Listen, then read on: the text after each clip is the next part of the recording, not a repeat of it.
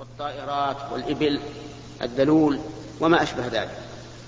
ثم تذكروا نعمة ربكم إذا استويتم عليه. بعد الاستواء تذكرون نعمة الله بما يسر لكم مما خلق من الأنعام ومما علمكم من الفلك. وتقول سبحان الذي سخر لنا هذا وما كنا له مقرنين وإنا إلى ربنا لمنقلبون.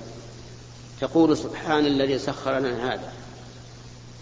كان الذي يتبادر أن يقول الإنسان الحمد لله الذي سخر لنا هذا. ولكنه أمر أن يقول سبحان الذي سخر لنا هذا. لماذا؟ لأن سبحان تدل على التنزيه يعني تنزيه الله عز وجل عن الحاجة وعن النقص فكأن الإنسان يشعر إذا ركب على هذا الفلك والأنعام أنه محتاج إليه يستعين به على حاجاته في فيسبح الله عز وجل الذي هو مستغن عن كل خلقه جل وعلا. فكان التسبيح في هذا المقام أنسب مع أنه جاءت السنة بأنه يحمد الله لكننا نتكلم عن هذه الآية.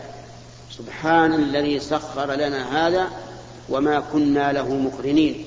يعني ما كنا مطيقين له لولا أن الله سخره أي ذل له كما قال تعالى في آية أخرى وذللناها لهم فمنها ركوبهم ومنها يأكلون. أرأيتم لو كانت هذه البعير الكبيرة الجسم القوية النشيطة لو لم تسخر هل نقدرها؟ هل نقدر عليها؟ الجواب لا.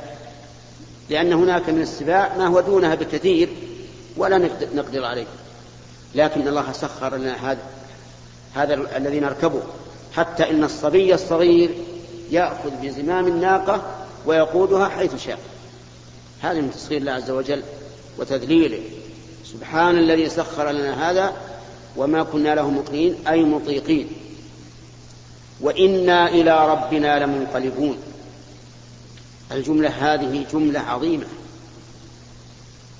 كأن الإنسان لما ركب مسافرا على هذه الدلو أو الفلك كأنه يتذكر السفر الأخير من هذه الدنيا وهو سفر الإنسان إلى الله عز وجل.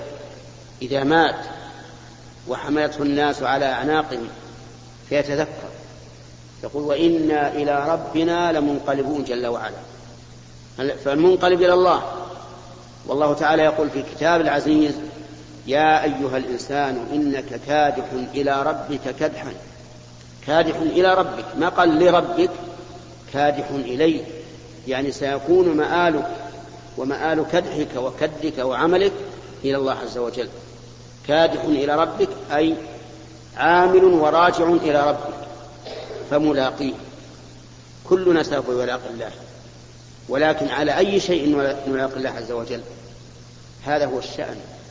الشأن بأي شيء تنقلب إلى الله وعلى أي شيء تنقلب إلى الله. يعني الإنسان يعني لا يهمه أين يموت ولا يهمه متى يموت. ربما إنه يحب أن يطيل الله عمره وأن يموت في بلد مقدس كما كما اختار ذلك موسى عليه الصلاة والسلام. لكن الشأن كل الشأن على أي شيء يموت. نسأل الله أن يتوفانا وإياكم على الإيمان والتوحيد. هذا هو المهم. المهم على أي شيء تموت أيها الإنسان. وإن فإن مت على خير فإنه لا فرق بين أن تموت في بلد أو في بلد أخرى أو في بلد مقدس أو في بلد غير مقدس. ولا في الشهر الفلاني ولا في اليوم الفلاني ولا في في الوقت الفلاني ليل أو نهار المهم أن تموت على خير. وإنا إلى ربنا لمنقلبون. فينبغي للإنسان إذا ركب سيارته أو الطيارة أن يقول هذا الذكر الوارد عن النبي صلى الله عليه وعلى آله وسلم في حديث ابن عمر. يكبر ثلاثا ويقول سبحان الذي سخر لنا هذا وما كنا له مقرنين. وإنا إلى ربنا لمنقلبون. ثم يذكر بقية الدعاء الذي ذكره عبد الله بن عمر رضي الله عنهما. وتأمل في هذا الحديث كلمة تدل على إحاطة الله عز وجل بكل شيء. يقول أنت الصاحب في السفر والخليفة في الأهل. الصاحب في السفر يعني تصحبني في سفري. تيسره علي تسهله علي. وأنت الخليفة في الأهل أي خليفتي في أهلي من بعدي تحوطهم برعايتك وعنايتك. فهو جل وعلا مع الإنسان في سفره وخليفته في أهله لأنه جل وعلا بكل شيء محيط. والله موفق.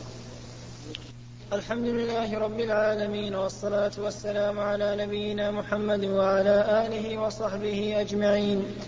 قال رحمه نقل المؤلف رحمه الله تعالى في سياق الأحاديث في باب ما يقول إذا ركب دابة للسفر.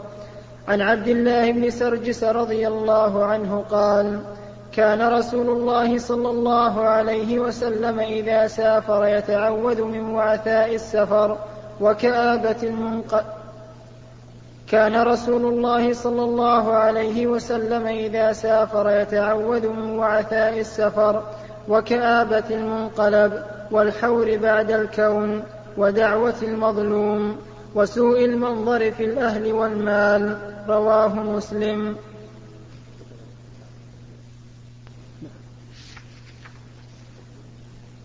وعن علي بن ربيعة رضي الله عنه قال شهدت علي بن أبي طالب رضي الله عنه أتي بدابة ليركبها فلما وضع رجله في الركاب قال بسم الله فلما استوى على ظهرها قال الحمد لله الذي سخر لنا هذا وما كنا له مقرنين وإنا إلى ربنا لمنقلبون.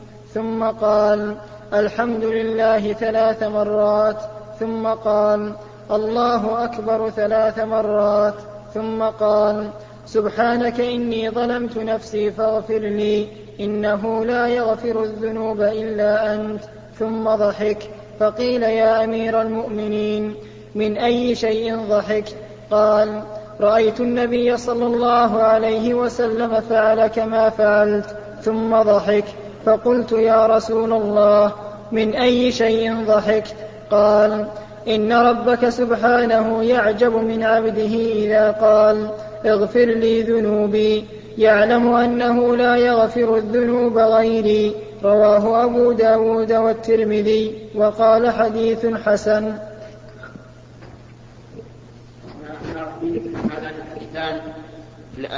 في الأدعية والأذكار التي تقال إذا ركب الإنسان راحلته في السفر وسبق لنا شرح الآية الكريمة أن الله تعالى قال لتستووا على ظهوره ثم تذكروا نعمة ربكم إذا استويتم عليه وتقولوا سبحان الذي سخر لنا هذا وما كنا له مقرنين وإنا إلى ربنا لمنقلبون.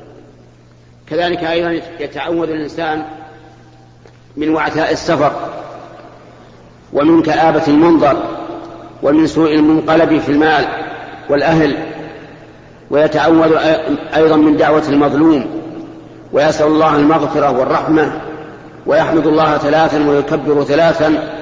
كل هذا مما جاء عن النبي صلى الله عليه وعلى آله وسلم.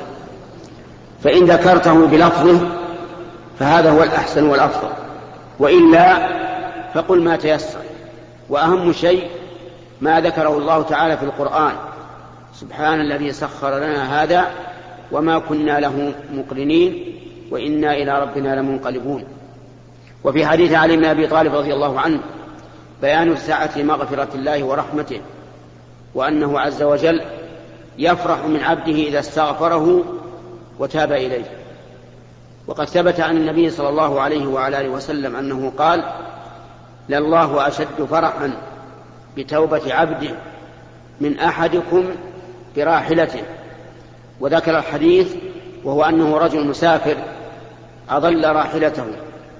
وفقدها فطلبها فلم يجدها وعليها طعامه وشرابه فأيس منها ومن الحياة.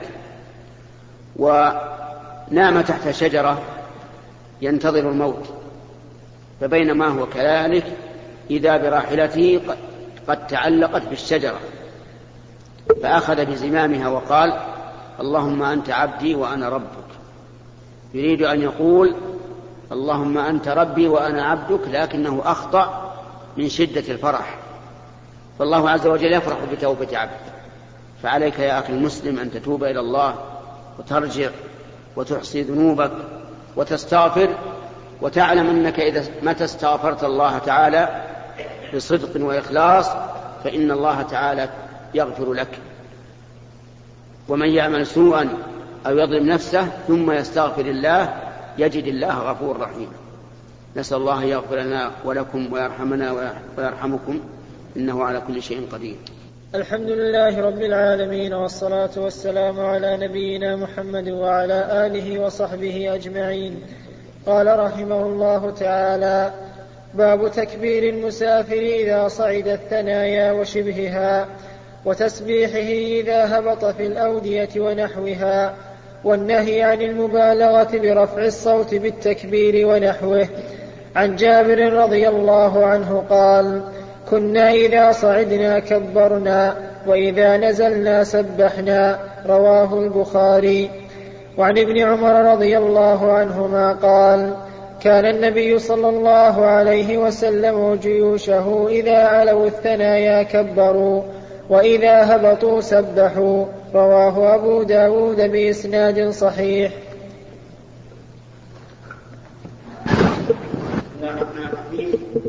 هذا الباب عقده المؤلف النووي رحمه الله في الصالحين تحت آداب السفر وما يقال فيه. فمن ذلك أنه من آداب السفر أنه إذا صعد الإنسان شيئا مرتفعا كالجبل وكذلك الطائرة إذا صعدت فإنه يكبر. يقول الله أكبر إما مرة أو مرتين أو ثلاثا. وإذا نزل سبح. قال سبحان الله مرة أو مرتين أو ثلاثا.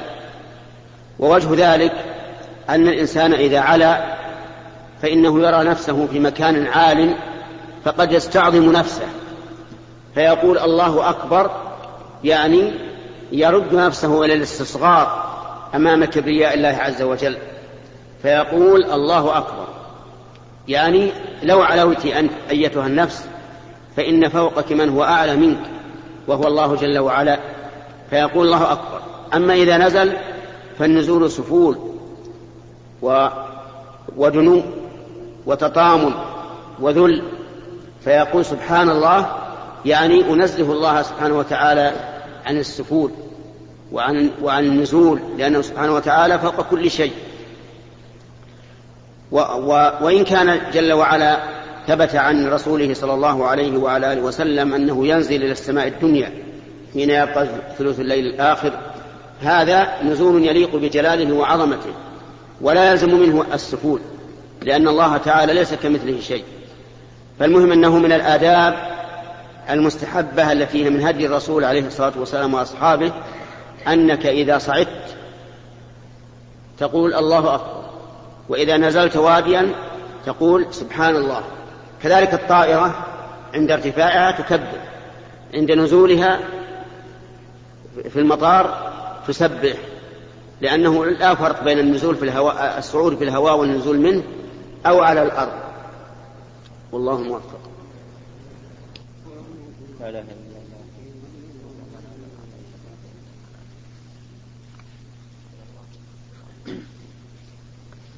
بسم الله الرحمن الرحيم.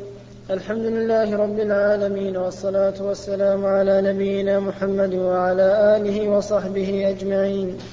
نقل المؤلف رحمه الله تعالى في سياق الأحاديث في باب تكبير المسافر إذا صعد الثنايا وشبهها وتسبيحه إذا هبط في الأودية ونحوها والنهي عن المبالغة برفع الصوت بالتكبير ونحوه عن أبي موسى الأشعري رضي الله عنه قال كنا مع النبي صلى الله عليه وسلم في سفر فكنا إذا أشرفنا على واد هللنا وكبرنا وارتفعت أصواتنا فقال النبي صلى الله عليه وسلم يا أيها الناس اربعوا على أنفسكم فإنكم لا تدعون أصم ولا غائبا إنه معكم. إنه سميع قريب.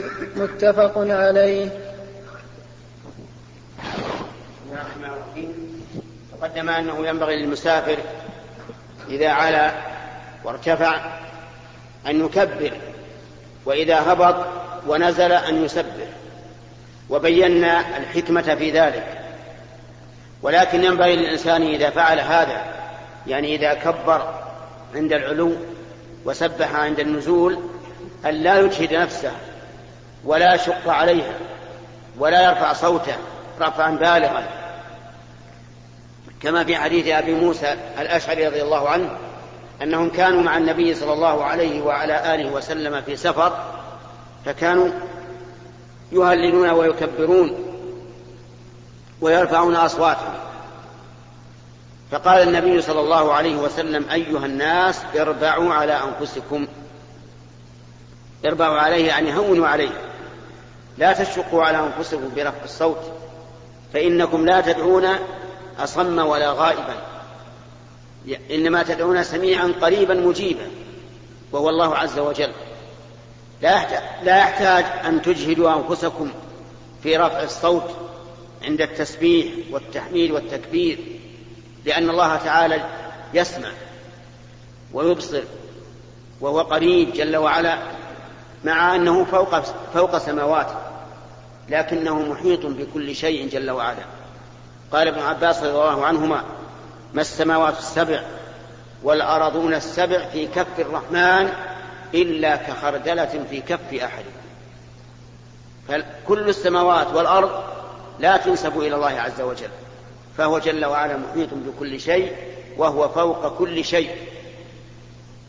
وفي هذا دليل على أنه لا ينبغي للإنسان أن يشق على نفسه في العبادات لا في أدائها ولا في في المداومة عليها.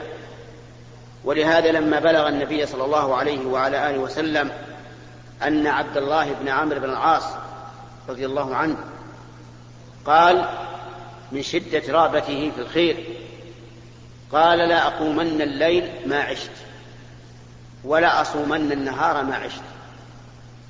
يعني قال إنه يريد أن يصوم كل النهار ويقوم كل الليل. فبلغ النبي صلى الله عليه وسلم ذلك فدعاه وقال أنت الذي قلت هذا؟ لا أصومن النهار ما عشت ولا أقومن الليل ما عشت. قال نعم يا رسول الله. قال إنك لا تطيق ذلك. ثم أمره أن يصوم من كل شهر ثلاثة أيام وأن يقوم وينام فقال إني أطيق أكثر من ذلك. فما زال به حتى قال النبي عليه الصلاة والسلام له صم يوما وأفطر يوما. قال فإني أطيق أفضل من ذلك. قال لا أفضل من هذا. هذا صوم داود عليه الصلاة والسلام. يصوم يوما ويفطر يوما ليتقوى بيوم, ليتقوى بيوم الفطر على يوم الصيام. فلما كبر رضي الله عنه شق عليه ذلك. شق أن يصوم يوما ويفطر يوما. فقال ليتني قبلت رخصة النبي صلى الله عليه وسلم. ثم صار يصوم خمسة عشر يوما سردا ويفطر خمسة عشر يوما سردا. لأنه عجز. أن يصوم يوما ويفطر يوما أما في, أما في القيام فقال له أعلى ما يكون أن ينام نصف الليل ويقوم ثلث الليل وينام سدس الليل. قسمه ذات أقسام. ينام النصف ويقوم الثلث وينام السدس. وقال لا أفضل من ذلك. فالحاصل لا ينبغي للإنسان أن يشق على نفسه في العبادة متى تسهلت فليحمد الله. بعض الناس في أيام الشتاء يكون عنده الماء الساخن وعنده الماء البارد. يتوضأ بال... ويترك الساخن. يعذب نفسه. والله عز وجل يقول ما يفعل الله بعذابكم إن شكرتم وآمنتم. نعم إذا كان ما عندك إلا الماء البارد واستعملته وشق عليك فلك أجر. أما أن تعدل عن السهل إلى الصعب طلبا للأجر فهذا ليس بصواب. متى تسهل الأمر فافعل. كذلك بعض الناس مثلا لو قال أنا أبمشي على أبمشي على رجلي إلى الحج لأنه أصعب من المشي بالسيارة. قلنا هذا خطأ. إذا سهل الله لك العبادة فافعل. أو قال الإنسان بقرأ على نور ضعيف. ولا أقرأ على نور قوي لأن القراءة على نور ضعيف أصعب يقول هذا غلط أيضا. كلما سهلت العبادة فافعل ما تيسر ولكن لا تقصر. أما إذا إذا لم يمكن إلا إلا مع تعب فهذا الأمر إلى الله ومتى تعبت في العبادة فلك أجر. والله موفق. قال رحمه الله تعالى باب استحباب الدعاء في السفر. عن أبي هريرة رضي الله عنه قال قال رسول الله صلى الله عليه وسلم ثلاث دعوات مستجابات لا شك فيهن دعوة المظلوم ودعوة المسافر ودعوة الوالد على ولده. رواه أبو داود والترمذي وقال حديث حسن. وليس في رواية أبي داود على ولده. باب ما يدعو به إذا خاف ناسا أو غيرهم عن أبي موسى الأشعري رضي الله عنه. أو غيرهم أو غيرهم باب ما يدعو به إذا خاف ناسا أو غيرهم عن أبي موسى الأشعري رضي الله عنه أن رسول الله صلى الله عليه وسلم كان إذا خاف قوما قال اللهم إنا نجعلك في اللهم إنا نجعلك في نحورهم ونعوذ بك من شرورهم.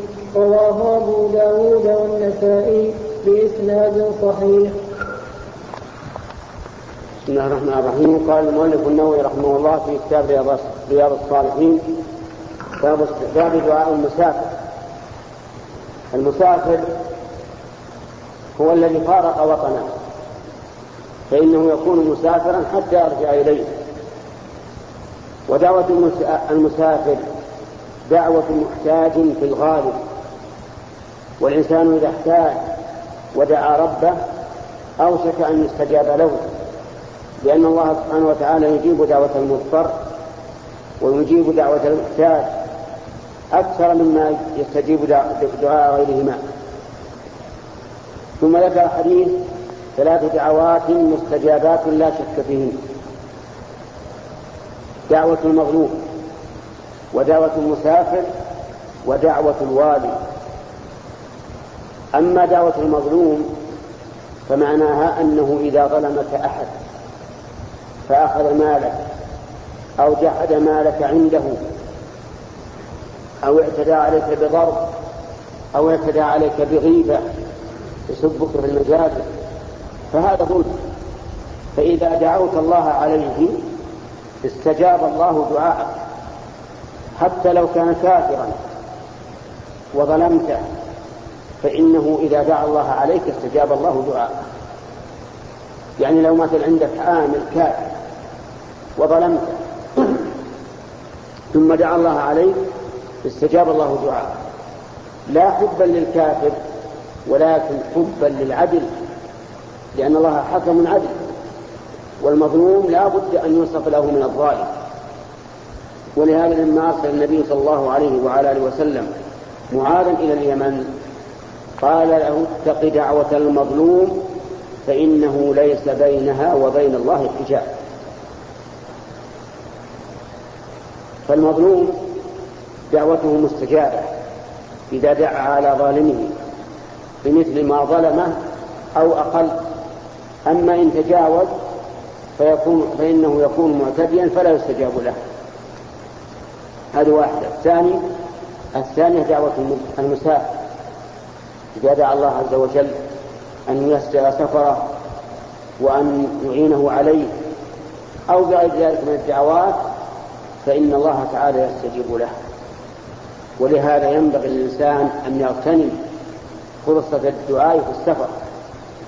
وإذا كان السفر سفر طاعة كسفر عمرة والحج فإنه يزداد ذلك قوة في إجابة الدعاء. الثالث دعوة الوالد في بعض ألفاظ الحديث على ولده وفي بعض ألفاظها مطلق. الوالد يعني سواء لولده أو عليه. وهذا هو الأصح. دعوة الوالد لولده أو عليه مستجابة أما دعوته لولده فلأنه يدعو لولده على وجه الشفقة والرحمة. والراحمون يرحمهم الله عز وجل. وأما عليه فإنه لا يمكن أن يدعو الوالد على ولده إلا باستحقاق. إلا أنه مستحق للدعوة. فإذا دعا عليه وهو مستحق للدعوة استجاب الله دعوته. هذه ثلاث دعوات مستجابات. دعوة المظلوم ودعوة المسافر ودعوة الوالد سواء رجل سواء كانت الأم أو الأب. ثم ذكر المؤلف حديث ما يسن للإنسان إذا خاف قوما أو غيرهم ماذا يقول؟ مثلا قابلك أناس تخشى من من شره قابلك سبع تخشى من شره. أي شيء قابلك تخشى من شره فقل اللهم إنا نجعلك في نحورهم ونعوذ بك من شرورهم. إذا قلت ذلك بصدق وإخلاص ولجوء إلى الله كفاك الله شره. اللهم نجعلك في نحورهم يعني أمامك تدفعهم عنا وتمنعنا منهم ونعوذ بك من شرورهم. ففي هذه الحال يكفيك الله إياهم ويكف ويكف عنك شرهم. قلها لنا اللهم يجعل اللهم يجعل في نحورهم وكمن على من شرورهم ونعوذ بك نعوذ بك نعوذ بك من شرورهم اللهم نجعلك في نحورهم ونعوذ بك من شرورهم كلمتان يسيرتان. إذا قالهما الإنسان بصدق وإخلاص فإن الله تعالى يجعل يدافع عنه. والله الموفق الرحمن الرحيم. الحمد لله رب العالمين والصلاة والسلام على نبينا محمد وعلى آله وصحبه أجمعين. قال رحمه الله تعالى يا ربي ورسول الله أعوذ بالله من شر وشر وسيئاته وشر ما خلق فيه وشر ما يجب عليه وأعوذ بك من شر أسد وأسود ومن الحية والعقرب ومن ذات البلد ومن والد وما ولد رواه أبو داود بسم الله الرحمن الرحيم. هذان حديثان في بيان ما يقوله الإنسان إذا كان مسافرا ونزل منزلا بل في حديث خولة بنت حكيم رضي الله عنها أن النبي صلى الله عليه وعلى آله وسلم قال من نزل منزلا فقال أعوذ بكلمات الله التامات من شر ما خلق لم يضره شيء حتى يرتحل من منزله ذلك. قول من نزل منزلا يشمل من نزل منزلا في السفر إذا كان مسافرا ثم نزل ليستريح لغداء أو عشاء أو نوم أو غير ذلك فإنه إذا نزل يقول أعوذ بكلمات الله التامات من شر ما خلق. ومعنى أعوذ أي أعتصم بكلمات الله التامات وكلمات الله التامات تشمل كلماته الكونية وكلماته الشرعية. فأما كلماته الكونية فهي التي ذكرها الله عز وجل في قوله إنما أمره إذا أراد شيئا أن يقول له كن فيكون. فيحميك الله تعالى بكلمات الكونية. يدافع عنك ما يضرك إذا قلت هذا الكلام. أعوذ بكلمات الأحكامات من شر ما خلق. كذلك كلمات الله الشرعية وهي الوحي. فإن كلمات الله الشرعية وهي الوحي فيه فيها وقاية. من كل سوء وشر. وقاية للشر قبل نزوله وله بعد نزوله. أما قبل نزوله فقد ثبت عن النبي عليه الصلاة والسلام أن من قرأ آية الكرسي في ليلة لم يزل عليه من الله حافظ ولا يقربه شيطان حتى يصبح.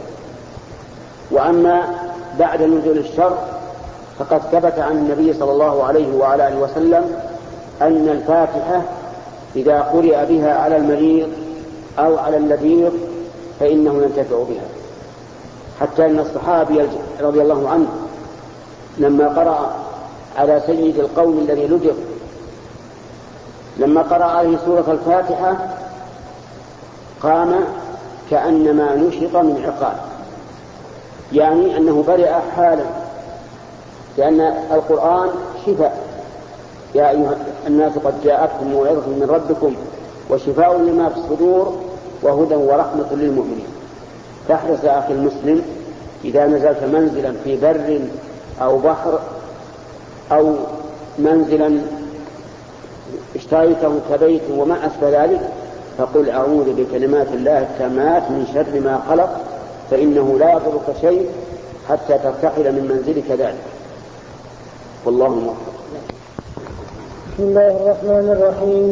الحمد لله رب العالمين والصلاة والسلام على نبينا محمد وعلى آله وصحبه أجمعين.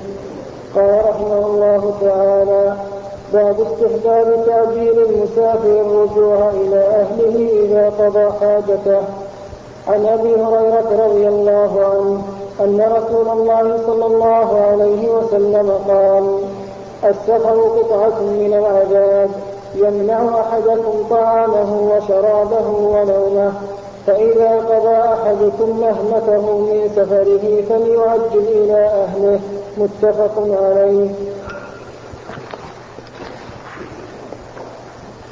بسم الله الرحمن الرحيم. قال المؤلف رحمه الله تعالى في كتابه رياض الصالحين فيما يتعلق بالسفر. باب استحباب تعجيل المسافر الرجوع إلى أهله. إذا قضى حاجته. وذلك أن المسافر إذا سافر فإنه يترك أهله وربما يحتاجون إليه في التربية والتعليم والرعاية وغير ذلك. وربما يحدث لهم أشياء توجب أن يكون راعيهم عندهم فلهذا أمر النبي صلى الله عليه وسلم كما في هذا الحديث الذي ذكره المؤلف أن الإنسان إذا قضى نهمته من سفره فليرجع إلى أهله. وقال عليه الصلاة والسلام في هذا الحديث إن السفر قطعة من العذاب. يعني بذلك عذاب الضمير وعذاب الجسم ولا سيما في, في الزمن السابق حيث الأسفار تكون على الإبل ويكون فيها مشقات كبيرة. وخوف وبرد في الشتاء وحر في الصيف. ولهذا قال عليه الصلاة والسلام إنه أي السفر قطعة من العذاب. يمنع أحدكم طعامه وشرابه ونومه لأنه مشغول البال. ولا يأتيه الطعام والشراب في وجبات العادة العادية وكذلك في النوم. فإذا كان كذلك فليرجع الإنسان إلى الراحة إلى أهله وبلده ليقوم على أهله بالرعاية والتأديب وغير ذلك؟ وفي هذا دليل على أن إقامة الإنسان في أهله أفضل من سفره إلا أن يكون هناك حاجة ووجهه أنه أن أهله يحتاجون إليه. ولهذا لما قدم مالك بن الحويرث ومعه نحو عشرين رجلا من قوم إلى النبي صلى الله عليه وعلى آله وسلم وأقاموا عنده نحو عشرين ليلة. ورأى أنهم قد اشتاقوا إلى أهلهم قال ارجعوا إلى أهليكم. فأقيموا فيهم وعلموهم وأدبوهم. فدل ذلك على أن الإنسان لا ينبغي أن يغيب عن أهله إلا بقدر الحاجة وإلا فليرجع هذا هو الأفضل. والله موفق. الحمد لله رب العالمين والصلاة والسلام على نبينا محمد وعلى آله وصحبه أجمعين. قال رحمه الله تعالى باب استحباب القدوم على أهله نهارا وكراهته في الليل لغير حاجة. عن جابر رضي الله عنه أن رسول الله صلى الله عليه وسلم قال إذا أطال أحدكم الغيبة فلا يطرقن أهله ليلا. وفي رواية أن رسول الله صلى الله عليه وسلم نهى أن يطرق الرجل أهله ليلا. متفق عليه. وعن أنس رضي الله عنه قال كان رسول الله صلى الله عليه وسلم لا يطرق أهله ليلا وكان يأتيهم غدوة أو عشية. متفق عليه. باب استحباب ابتداء القادم بالمسجد الذي الذي في جواره وصلاته فيه ركعتين. عن كعب بن مالك رضي الله عنه أن رسول الله صلى الله عليه وسلم كان إذا قدم من سفر بدأ بالمسجد فركع فيه ركعتين. متفق عليه. بسم الله الرحمن الرحيم. هذان البابان من آداب السفر. الباب الأول أن الإنسان إذا غاب عن أهله وطالت غيبته فلا يطرقهم ليلا أي لا يأتي إليهم في الليل إلا لحاجة أو إعلام. الحاجة مثل أن يحصل عليه في السفر مشقة لو انتظر إلى الصباح مثلا فهذه حاجة يقدم عليهم في الليل ولا حرج. وكذلك أيضا إذا كان قد أعلمهم قال إنه سيقدم عليهم الليلة الفلانية فلا بأس أن يقدم عليهم ليلا. أما إذا كان قد أطال الغيبة فإنه لا يتركهم ليلا لأن النبي صلى الله عليه وعلى آله وسلم علل ذلك. فقال لكي تمتشط الشعثة وتستحد المغيبة. يعني معناه لأجل أن المرأة تتجمل وتتزين لزوجها لئلا يقدم عليها وهي شعثة غير ماشطة أو لم تستحد أي لم تحلق عانتها. فلهذا قيد المسألة بما إذا طال السفر. أما إذا لم يطل السفر كسفر يوم أو يومين أو ما أشبه ذلك فلا حرج عليه أن يقدم إلى أهله متى شاء والحاصل أنه إذا أطال الغيبة فلا يقدم على أهله ليلا إلا لحاجة أو إذا كان قد أعلمهم بذلك فقال سآتي في الطائرة الفلانية الليلة الفلانية فلا بأس. أما الحديث الثاني فهو إذا قدم الإنسان من السفر فليبدأ قبل كل شيء بالمسجد قبل أن يدخل على أهله يبدأ بالمسجد ويصلي فيه ركعتين. لأن النبي صلى الله عليه وعلى آله وسلم سن ذلك لأمته بقوله وفعله. فكان صلى الله عليه وسلم إذا قدم أول ما يبدأ به المسجد يصلي فيه ركعتين. ولما جاءه جابر رضي الله عنه ليأخذ ثمن جمله الذي باعه عليه قال له أدخلت المسجد وصليت؟ قال لا. قال ادخل المسجد وصل ركعتين. وهذه السنة قد غفل عنها كثير من الناس إما جهلا بذلك وإما تهاونا ولكن ينبغي للإنسان أن يحيي هذه السنة وإذا وصل إلى البلد فليكن أول ما يبدأ به أن يدخل المسجد ويصلي ركعتين ثم بعد ذلك يذهب إلى أهله. والله موفق. اللهم لا مانع لما أعطيت ولا بسم الله الرحمن الرحيم. الحمد لله رب العالمين والصلاة والسلام على نبينا محمد وعلى آله وصحبه أجمعين. قال رحمه الله تعالى باب تحريم سفر المرأة وحدها. عن أبي هريرة رضي الله عنه قال قال رسول الله صلى الله عليه وسلم لا يحل لامرأة تؤمن بالله واليوم الآخر تسافر مسيرة يوم وليلة إلا مع ذي محرم عليها متفق عليه. وعن ابن عباس رضي الله عنهما أنه سمع النبي صلى الله عليه وسلم يقول لا يخلون رجل بامرأة إلا ومعها ذو محرم ولا تسافر المرأة إلا مع ذي محرم فقال له رجل يا رسول الله إن امرأتي خرجت حاجة وإني اكتتبت في غزوة كذا وكذا. قال انطلق فحج مع امرأتك. متفق عليه. قال المؤلف رحمه الله تعالى في كتاب رياض الصالحين باب تحريم سفر المرأة وحدها يعني بلا محرم. وذلك أن المرأة ناقصة العقل والدين قريبة التصور كل إنسان يخدعها وكل إنسان يزل بها وهي فتنة فتنة الرجال. كما قال النبي عليه الصلاة والسلام إنما كانت فتنة بني إسرائيل في النساء. وقال ما تركت بعدي فتنة أضر على الرجال من النساء. فلهذا تمنع المرأة من السفر بلا محرم. واختلف العلماء فيما إذا كان السفر قصيرا هل تمنع منه أو لا؟ فمن العلماء من قال إنها تمنع حتى من السفر القصير. ومنهم من قال لا تمنع إلا من السفر الطويل. والصحيح أنها تمنع مما يسميه الناس سفرا.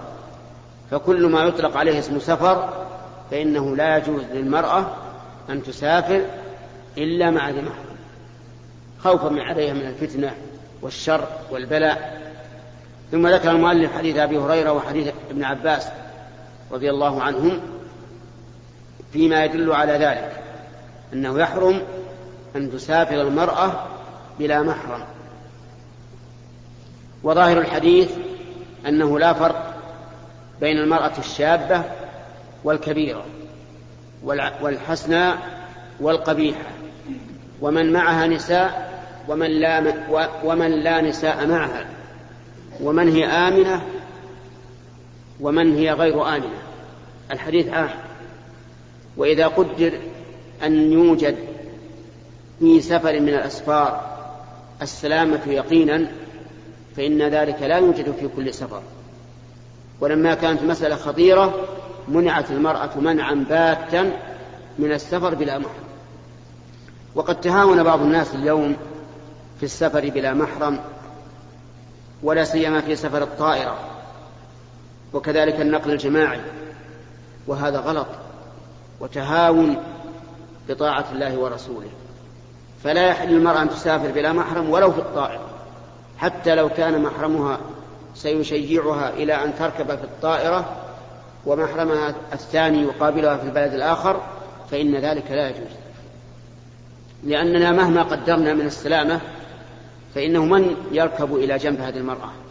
لأن النساء الآن في الطائرة لا لا يفرق بين الرجال بين الرجال بينهن وبين الرجال. تجد المرأة إلى جانب الرجل.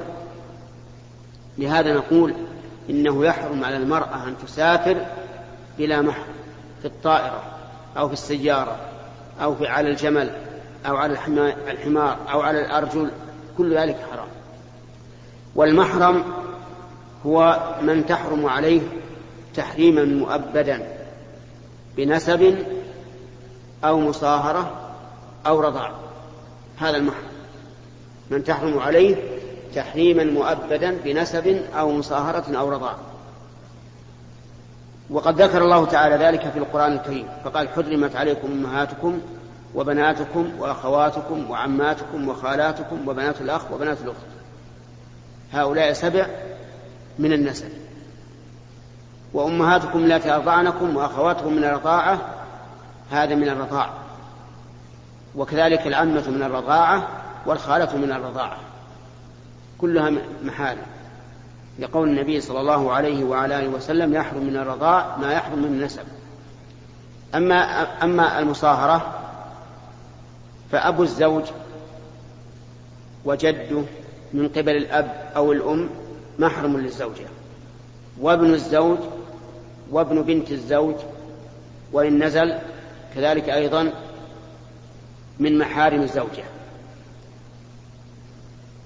فلو أن جد الزوج سافر بامرأة ابنه فإن ذلك لا بأس به لأنه محرم. ولو أن ابن الزوج النازل سافر بزوجة أبيه فلا بأس لأنها محرم له. وأما ما يظنه بعض العوام من أن الإنسان إذا أنقذ امرأة من هلاك صار محرما لها فهذا ليس له أصل. يعني يقول بعض الناس إذا غرقت امرأة ثم جاء إنسان وأنقذها أو شبت حريق في البيت فجاء إنسان فأنقذها يدعي بعض العوام أنه يصير محرما لها وهذا ليس له أصل غير صحيح. المحارم سبع بالنسب وسبع بالرضاء وأربع بالمصاهرة. أما الزوج فمعلوم أنه محرم لأنه زوج. والله موفق. أيها الإخوة في ختام هذه المادة نسأل الله أن نلقاكم في لقاءات متجددة. مع تحيات مؤسسة الاستقامة الإسلامية للإنتاج والتوزيع في عنيزة. شارع هلالة رقم الهاتف والناسخة الهاتفية صفر ستة ثلاثة ستة أربعة